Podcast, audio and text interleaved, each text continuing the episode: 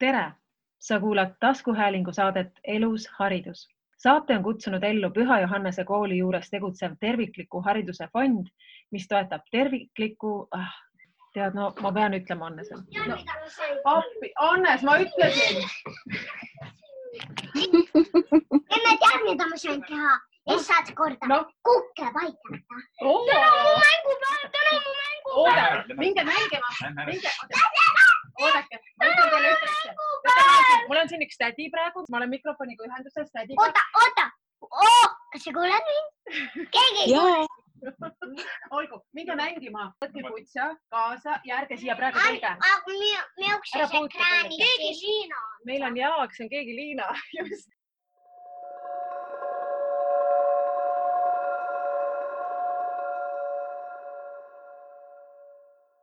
Vabandame küllaltki elulise vahepala pärast.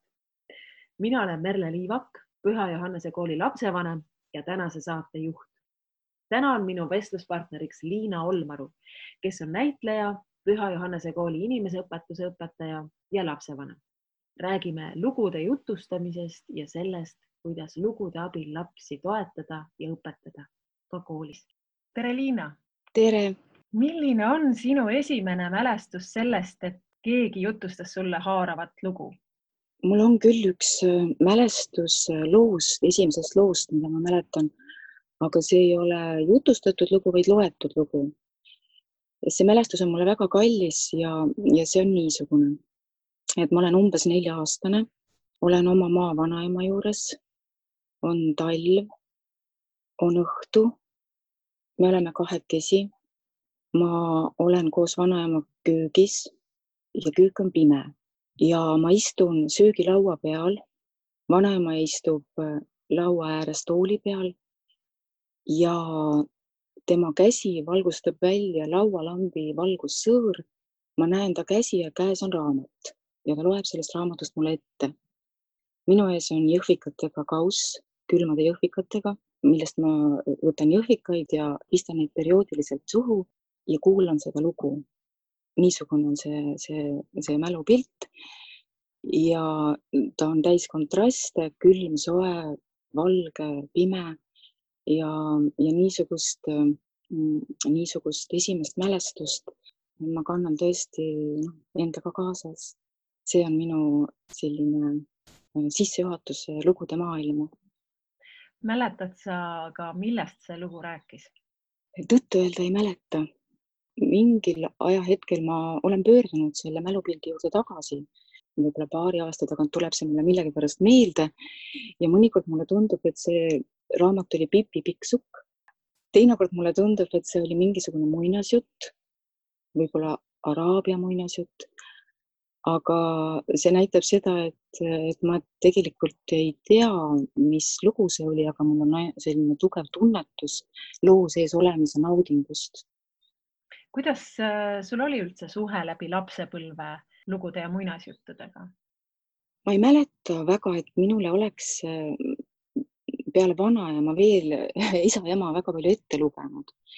võib-olla nad tegid seda, aga mul ei ole nii tugevaid mälupilte sellest. minu vanemad töötasid teatris ja, ja nende teatriinimeste elurütm on selline omapärane, et õhtuti on nad ära ja hommikuti nad magavad ja ma mäletan, kuidas me läksime ikkagi oma pealt magama, kui me olime raamatutega voodis ja mina olin kogu aeg, olid mul raamatud voodis ja ma lugesin raamatuid ja võib-olla jäingi, jäingi selle saatel magama. ja, ja seetõttu võin ma öelda, et mu lapsepõlv on täis lugusid, aga eelkõige loetud lugusid samas mm, lugude alla kindlasti käivad ka need lood, mida ma nägin teatris. nagu ma ütlesin, mu vanemad töötasid teatris ja seetõttu ma viibisin seal sageli ja teismeeas hakkasin isegi teatris tööl käima, töötasin piletikontrolörina. ja siis muidugi ma vaatasin kõik need etendused seal ära, mis, mida vähegi vaadata sai ja tol ajal mängis Rakvere teater väga sellist sisukat repertuaari.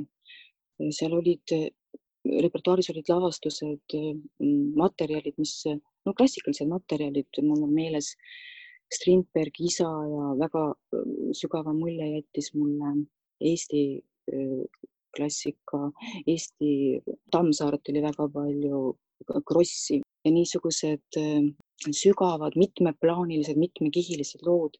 väga sageli nad tegelesid niisuguste mm, võib-olla eestlase identiteediga sügaval nõukogude ajal ja olid poeetilised, näiteks David Soover Elu oli väga, väga võimas lavastus Raivo Trassi poolt tehtud ja need lood, nende, nende sees ma elasin, neid ma vaatasin mitmeid-mitmeid kordi ja need mind kindlasti kujundasid. see on siis nüüd üks kategooria, teine oli see, millest ma rääkisin, et need minu enda loetud lood, muinasjutte oli väga palju ja hiljem juba muidugi ka ilukirjandust. Ja kolmas kategooria olid suguvõsalood, mida tõesti jutustati. Ja need olid peaasjalikult siis äh, seotud äh, mu vanavanematega, kuidas nad äh, oma elu elasid, kuidas nad kannatasid sõja ajal ja küüditamise ajad ja meie peres räägiti väga avalikult kõikidest nendest kannatustest ja, ja neid lugusid oli palju ja need olid väga-väga võimsad. üks lugu näiteks, mida ma võin rääkida, on seotud minu emaga, mu ema küüditati siis, kui ta sai äh, nelja-aastaseks, tema sünnipäeva hommikul. Ja minuni on jõudnud see lugu niimoodi, et mul tekkis muidugi esimest korda, kui ma seda kuulsin, hästi võimas kujutluspilt. Ja see, ma proovin seda edasi anda, see oli siis niimoodi, et äh, mu vanaema, tal oli kaks last, kolmandat ta ootas, äh, ta oli lapseootel, kui neile järgi tuldi.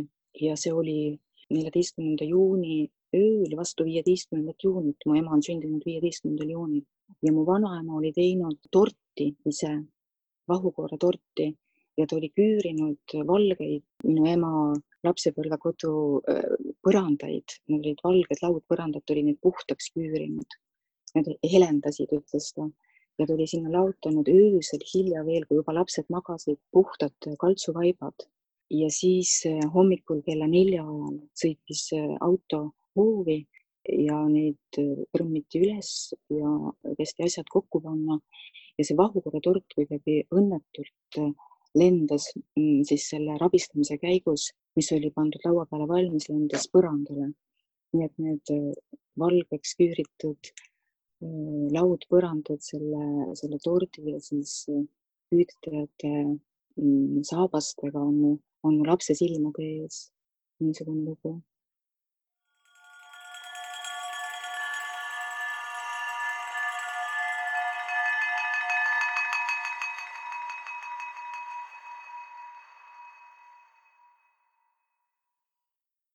kui tulla tagasi nüüd muinasjuttude juurde, mis sa arvad, milline neist võis sind äh, kõige enam mõjutada? mulle väga meeldisid Eesti rahva ennemuistsed jutud, kogu see kogumik ja tarkmeeste oskus ka. ja, ja pärast ma haarasin saja rahva lugude järgi. aga ma ei oska tõesti välja tuua ühtegi konkreetset sa lihtsalt neelasid neid nii palju. just, absoluutselt ja, ja. aga mis sa arvad sellest, ähm, mida on öelnud üks Iiri mütoloog, kelle nimi on Sharon Blacki? ta on öelnud, et need katsumused, mis muinasjuttudes ette tulevad, on just see materjal, millest hingi vormitakse. ja selle mm. tsitaadi juures mind ennast kõnetab äh, väga sõna hing äh, see on justkui enamat kui ja avaramad kui inimene või siis isiksus. kuidas sulle tundub? see on väga-väga hästi öeldud, ma olen, olen absoluutselt sama meelt. Ja eelkõige seetõttu, et ma võin toetuda oma kogemusele, mis mul on koolis lastega, kui ma, kui ma neile muinasjutte ette loen, siis ma näen vahetult kõigepealt, kuidas nende silmad lähevad sügavaks, kuidas silmavaade muutub, seda ma olen oma laste pealt ka nende pealt märganud, et silmad muutuvad ja kuskilt nad kaugenevad ja kuskilt muutuvad sulle tulevad ka lähemale. selline paradoksaalne seisund. ehk siis ma justkui näen nende laste silmadest no lapse silmast või inimese silmast näebki tema hinge, aga, aga seal nende kuulamiste, nende jutustamiste ajal see on eriti lähedal, mulle tundub see teise inimese hingeseisund ja, ja need on väga elamuslikud hetked olnud mul. ma hindan neid väga kõrgelt, neid koosolemisi selles lugude maailmas. ja ma olen tõesti seda meelt, et laps teeb, tema, tema hing tuleb kaasa need rännakud sellisel moel, et ta, et ta ei võta lugu vastu intellektuaalselt või mõistuslikult, ta võtab seda tunnetuslikult vastu, ta, ta käib äh, tegelastega kõik need äh, kannatused ja, ja seiklused ja katsumused läbi. see on, äh, nagu öeldakse, et narratiivpedagoogika ei ole tegelikult muud kui kogemusõpe või osalusõpe, see tähendab, et et ta tõesti kogeb midagi, et ta ei võta sõnaliselt mingisugust õpetust vastu, vaid ta, ta ise kogeb seda koos tegelastega. siis kogemus on see, mis vormib hinge nii mõistan mina seda. Ja ma näen, et nad, üks asi on see, et nad elavad kaasa, aga teine asi on see, et nad tõepoolest võtavad koos tegelastega vastu, nii nagu mõnes ütles on, et peavad otsustama, kas minna paremale või minna vasakule.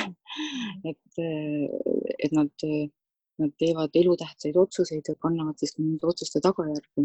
Kuidas sa, Liina, jõudsid üldse selleni, et inimese õpetust võiks edasi anda lugude kaudu?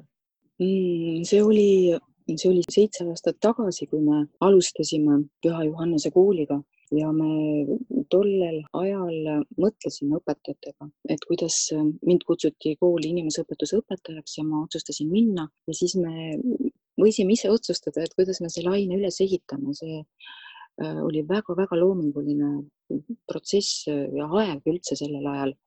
et muidugi meil oli õppekava ja ja, ja siis äh, otsustasime niimoodi, et inimeseõpetuse sisuks jääb väärtuskasvatus.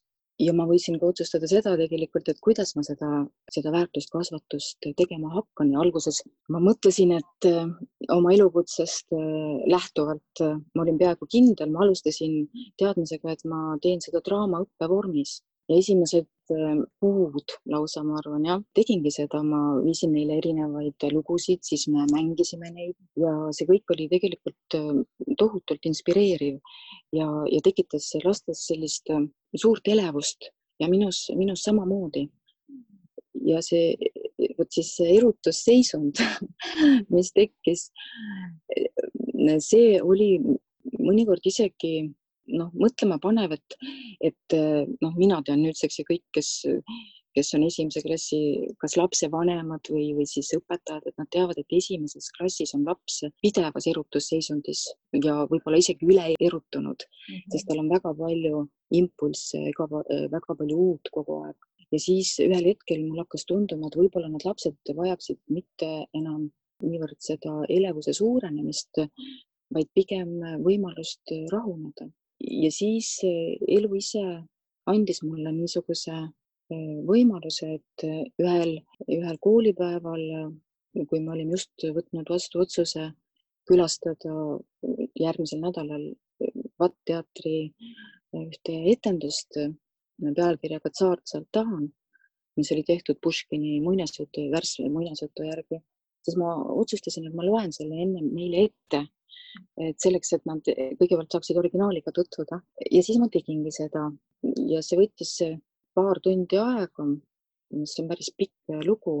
Ja see, mis toimus siis, kui ma seda neile ette lugesin, see oli minu jaoks vapustav, sellepärast et kõigepealt see oli värsis, mis võis, ma kõigepealt enda käest küsisin, et, et huvitav, et kuidas nad värssi vastu võtavad, aga nad läksid selle Puškini loo lummusesse, nad läksid sinna sisse sedavõrd, et tekkis kõrvu lukustav vaikus, ma ütleksin.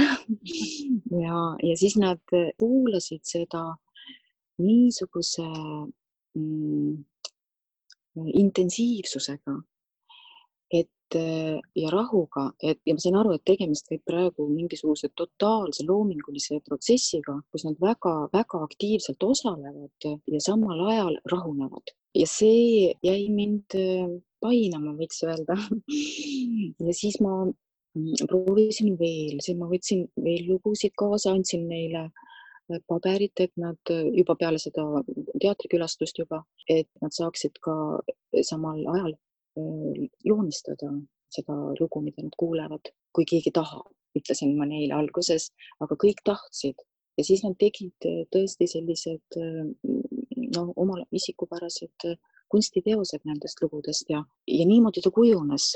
pärast ma liitsin sinna arutelu ja, ja sellest inimese õpetusest sai siis niisugune väärtuskasvatus lugude kaudu, kus, kus õpilastel oli võimalik osaleda kogu oma olemusega, kus oli võimalik, seal oli ka siis integreeritud see kunsti osa ja hiljem ma liitsin sinna niisuguse arutelu osa sellisel moel, et, et kõigepealt ma palusin, kuna ma sain aru, et kuulamisoskus on tohutult oluline eh, inimese elus üldse ja sellel perioodil eriti esimeses-teises klassis õppida kuulama, siis ma alati palusin pärast loo kuulamist, et ma kõigepealt ehk siis see on nagu kolmeetapiline protsess, et kõigepealt kuulata lugu, siis kuulata natukene iseennast, kui lugu on läbi, mis võnkeid see lugu neis tekitas ja siis äh, äh, avaldada neid mõtteid, osaleda arutelus ja, ja selle arutelu käigus kuulata jälle oma kaaslast.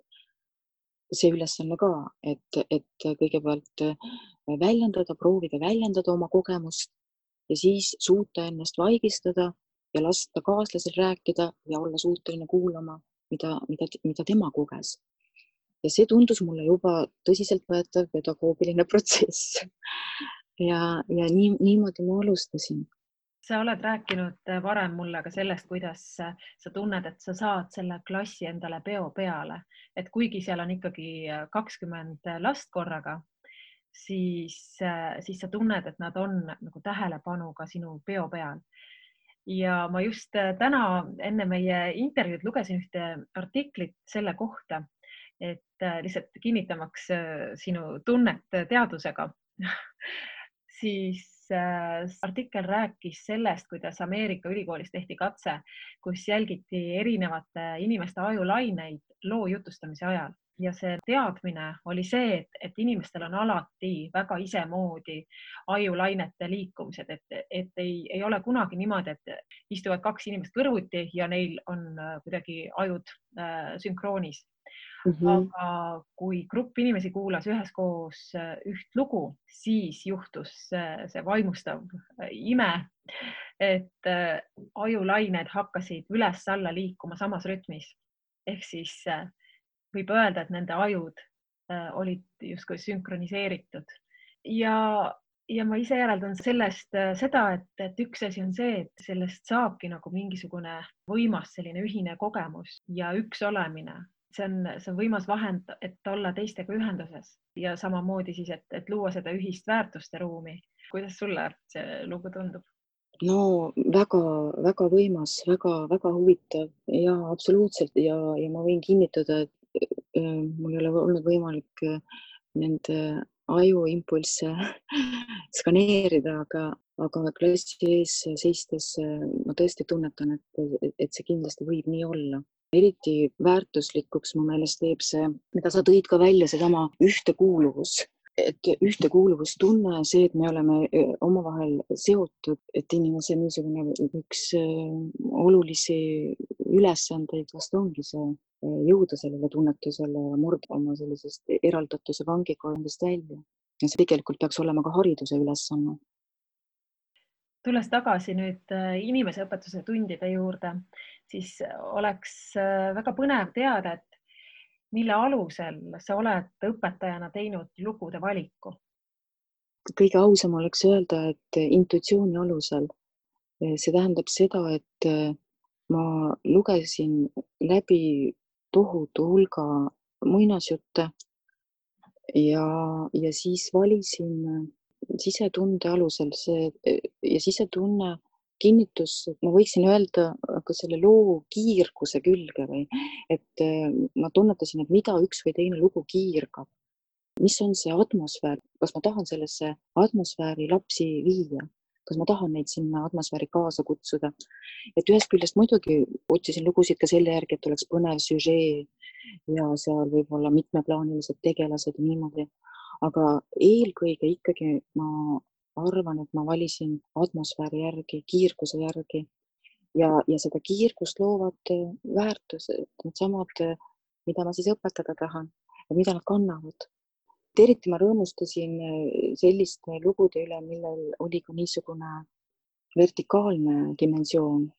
Ja see ei pruukinud üldse olla kuidagi sõnaliselt selles loos sees, vaid äh, võib-olla veel parem, kui ta oleks olnud sõnade taga ja sõnade vahel ehk siis see tähendab seda, et ma otsisin lugusid, kus kas keegi tegelastest oli võimeline tingimusteta armastuseks või, või eneseohverduseks, midagi sellist. noh, kui nimetada paari asja. ja kohe tahakski teada, millised need väärtused on, mida, mida sa tahad õpetada nende lugude kaudu? ma tahan no ja kui ma hakkan nüüd ütlema siin niimoodi, et, et ma tahan neile õpetada ausust ja õiglust ja, ja seda, mis ma ennem nimetasin, armastust. ja siis, siis, siis võiks öelda niimoodi, et see on justkui liiga, liiga lihtne või liiga üheplaaniline. Ma tegelikult tahan neile õpetada seda, et elus on headus ja on kurjus ja on vale ja on tõde ja et see kõik eksisteerib. Ja me puutume sellega kokku ja me puutume igapäevaselt sellega kokku. me peame äh, kõike tunnetama ja peame hakkama tegema oma valikuid ja me peame teadma, et meie valikutest sõltub see, kuhu me välja jõuame. ehk siis äh, ma tahan neile õpetada kompleksselt Äh, äh, anda neile korraks tunda seda elutuiget, mitte niivõrd üksikult näiteks õpetada ausust. on sul mälust võtta mõni hetk, kus sa, mida sa mäletad, et, et sa olid rääkinud lugu ja, ja pärast arutelus sa imestasid, mida mõni õpilane sellest õppis? no näiteks mulle meenub praegu üks kolmanda klassi tund. see programm ongi niimoodi, ma olen niimoodi mõelnud, et me, et siis esimese klassi lapsed õpivad eh, Eesti muinasjuttude kaudu elu, teise klassi lapsed, eh, nemad õpivad maailma, maailma erinevate rahva, rahvaste muinasjuttude kaudu ja, ja kolmandale klassile ma viin Kreeka mütoloogia ja Kreeka müüdid ja kangelaslood ja nüüd mul tulebki meelde, et näiteks kolmandas klassis, äh, see vist oli niimoodi, et see ei olnudki arutelu käigus, võib-olla see, võib-olla oli see üks kirjatöö, sest ma mõnikord lasen neil ka kirjutada. üks, üks laps rääkis Heraklesest ja talle meenus, kuidas Herakles oma äh, nooruses impulsiivselt oli löönud äh, muusikaõpetajat lüüraga nii õnnetult, et muusikaõpetaja sai surma ja siis Herakles pagendati karjuseks ja ta oli äh, karjas ja seal ükskord karjas äh, tulid tema juurde kaks naist. ja üks nendest ütles, et mina olen voorus, tule minuga ja teine ütles, et mina olen nauding, tule minuga. ja siis Herakles valis vooruse tee. Ja nüüd see, mida siis see laps välja tõi oma arutluses, oli see, et, et hiljem sündmuste käigus Herakles Äh, olgugi, et ta oli vooruse tee valinud ja hakkas kõik oma suuri kangelastegusid tegema, siis ta sattus äh, seal ühel hetkel äh, kuninganna Omphale juurde. sinna ta jäi pikaks ajaks ja ta jäi sinna sööma ja lõbutsema ja ta muutus laisaks ja siis see laps kirjutab, et ja ometi Herakles oli valinud vooruste tee ja ta muutus lõdvaks ja lodevaks ja pehmeks ja kuhu jäid tema kangelasteod. aga siis tal tuli meelde see, et ta tegelikult käib vooruste teed ja ta põgenes Omphale juurest ja ta sai kõik selle endalt maha raputada. noh, mulle meenus selline arutlus ja siis, kui ma seda lugesin, siis mulle tekkis, tekkis visioon, et mulle, ma rõõmustasin väga, kui ma seda lugesin, et oli midagi niisugust meelde jäänud. ja ma mõtlesin seda, et ühel hetkel ta hakkab ju taipama, et ta iga päev seisab vooruse teel ja naudingute teel ja iga päev peab valima, et kuhu minna nii nagu meiegi peame seda iga päev tegema ja siis võib-olla talle meenub see mingil hetkel, kui ta on kuskil oma omfaale juurde jõudnud, et ta tegelikult on valinud vooruse tee. on sul äh, veel tulnud ette selliseid meeldejäävaid seoseid, mida, mida lapsed on lugu kuulates äh, teinud? ja näiteks äh, neljandas klassis ma räägin neile Vana-testamendi lugusid ja, ja jutustan neile erinevatest võimsatest persoonidest ja näiteks üks tüdruk tuli, ütles mulle, et pärast seda, kui me olime õppinud Noa lugu, tuli, ütles, et, et õpetaja, et kui ma kunagi kohtan kedagi, kellel ei ole lootust, kes on lootuse kaotanud, siis ma jutustan talle Noa loo. et kuula, see nimi üksi juba Noa, see kõlab nagu lootus. kui ma selle loo talle jutustan, et siis, siis ta kindlasti tuleb oma raskest olukorrast välja.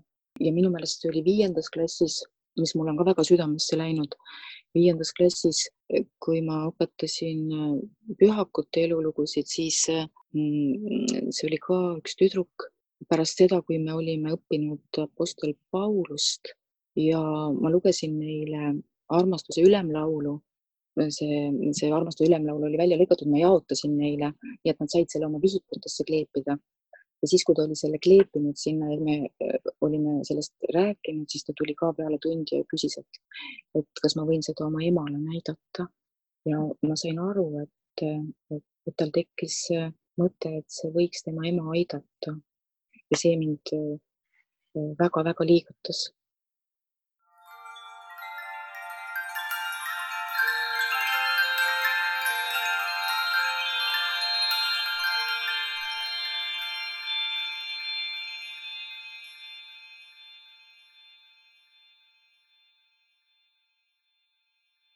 mis sa arvad, kas ähm, lugudega võiks õpetada veel mõnda ainet?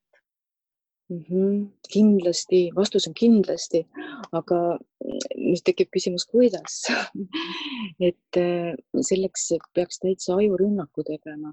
no mida, mida sellise esimese hooga ma võiksin, võiksin välja pakkuda, on, on see, et no näiteks matemaatika mulle tundub, et näiteks võiks äh, mõned matemaatikatunnid loovutada matemaatikute elulugude peale. kunagi Linnateatris oli niisugune äh, lavastus nagu Tõestus ja see rääkis kahest tõest, kellest üks oli matemaatika geenius. mina mängisin seda teist tõde ja Elizabeth Reinsalu mängis äh, minu nooremat õde, kes oli, oli matemaatika geenius ja see oli väga huvitav dramaturgiline materjal kui ma oleks matemaatikaõpetaja, siis ma läheksin näiteks mõne matemaatika tunni ajal sellist lugu vaatama ja ma olen veendunud, et õpilaste motivatsioon matemaatikat õppida kasvab äh, sajakordselt. jah, nad saavad nagu elusa sideme selle mm -hmm. ainega siis, eks ole. just ja ei teki seda küsimust, et noh, muidugi see küsimus on kogu aeg üleval minu enda lastel ka, et et aga kuidas see eluga on seotud, et, et kas ei ole mitte nii, et neljanda klassini me õpime matemaatikat, mida läheb elus vaja ja sealt edasi see kõik, mida me õpime, et see justkui, et see läheb võib-olla ainult nendel, kes tahavad matemaatikaprofessoriteks saada. et see elulisuse küsimus on kogu aeg üleval ja, ja sealt võib-olla oleks seal üks uks, et seda eluliseks, eluliseks teha mm. -hmm. ja ka põimida teiste ainetega, sellepärast et, et noh, praegu on väga moodne sõna on just see erinevate ainete lõimimine ja integreerimine, et ma usun, et sellel on väga-väga-väga suur potentsiaal. Ja teistpidi tegelikult lood ise ju annavad seda väga-väga mitmekülgset äh, teavet ja haridust, et ka, et ka see, et on seitse pöialpoissi ja, ja üks lumivalguke, siis äh, ka see on juba matemaatika, eks ole, siin on arvud siin juba väike laps äh, omandab algteadmisi kust mm -hmm. saab lapsevanem võtta nüüd loost kinni, et, et seda nagu appi võtta laste kasvatamisel? kuidas me võiksime kodus rohkem lugusid kasutada sinu meelest? see on niisugune noh, suur looming, eks laste kasvatamine on üldse kõige loomingulisem protsess, mida võib ette kujutada, et see kõik, kõik äh, sõltub äh, hetkest, aga äh, nii palju ma võin öelda, et lihtsalt ka oma kogemusest, ega ma mingisugust teooriat ei oska rääkida, aga oma kogemusest ma võin nii palju öelda, et, et eh, ise on mind eh, motiveeritud lugudega niimoodi, et, et näiteks ma mäletan, tuleb mul üks konkreetne konkreetne seik meelde, et meil oli õega tarvis noh, kitkuda porgandipeenrad, päris suur hulk peenraid oli, mida me pidime kogu aeg kitkuma. Ja siis isa rääkis meile väga-väga elavalt, kuidas seal peenras on need porgandiprintsessid, ta pikalt rääkis nendest printsessidest ja siis sellest Nõgese ja Maltsa väest, kes ohustab neid ja, ja, ja siis kuidas, kuidas me siis õega päästsime neid printsesse selle Nõgese sõjaväe käest. et no vot niisugune, niisugune lugu tekkis äkki sellesse, sellesse põllutöö olustikku ja see oli väga-väga inspireeriv. pärast me arendasime neid lugusid edasi väega, et see ei jäänud ainult sinna, isa andis mingi impulsi ja meie võtsime sellest kinni. aga iseenda laste puhul olen ma kogu aeg ikkagi rääkinud lugusid igasuguseid lugusid ja kõigepealt ma alustasin jälle nende rahustamiseks lugude rääkimist. Et äh, esimene kord ma mäletan, rääkisin autoroolis, kui lapsed olid väiksed ja enam ei suutnud autos äh, sõita, aga ei olnud sihtpunkt kuigi lähedal, et siis, siis ma rääkisin lugusid, et nad selle vastu peaksid, et neid rahustada.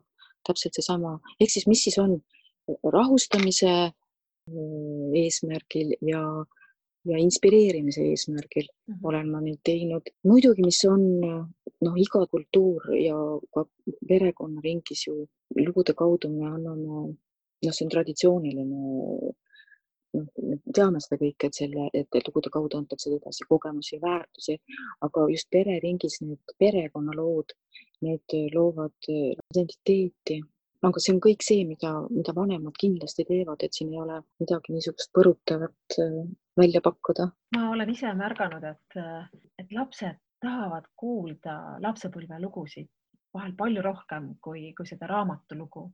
et äh, meil tükk aega oli niimoodi, et me iga õhtu lugesime lastele ja siis sai see lugu läbi, panime tule kinni ja siis teeme, kas sa räägiksid nüüd oma lapsepõlvest ja see oli nagu põhiline tegelikult selline etteaste sellele. ja tuleb meelde iseenda olukord äh, lapsepõlves, küll mitte võib-olla nii, nii noores eas äh, kui, kui, kui see, mis sa praegu kirjeldad, kus veel ette loetakse.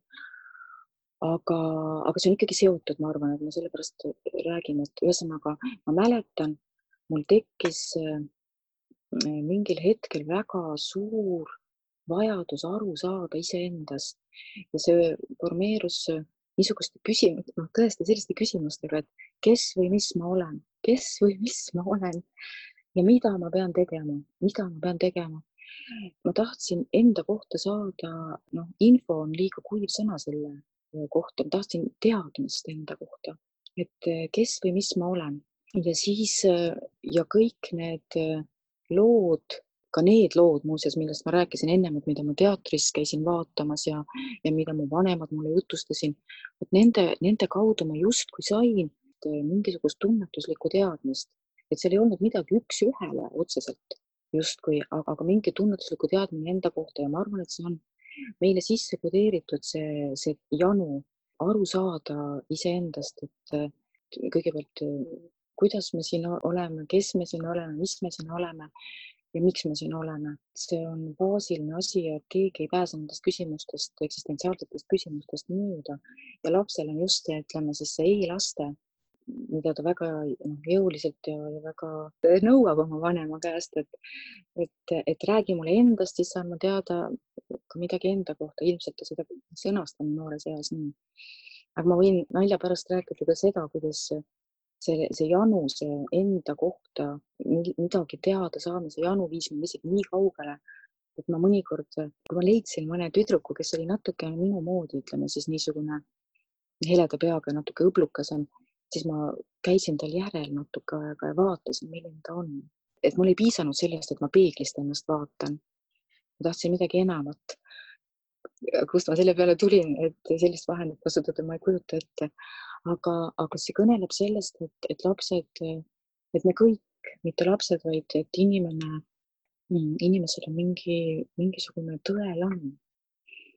ja see lõpuks viib välja ikkagi selle nende peamiste küsimuste juurde, ma usun.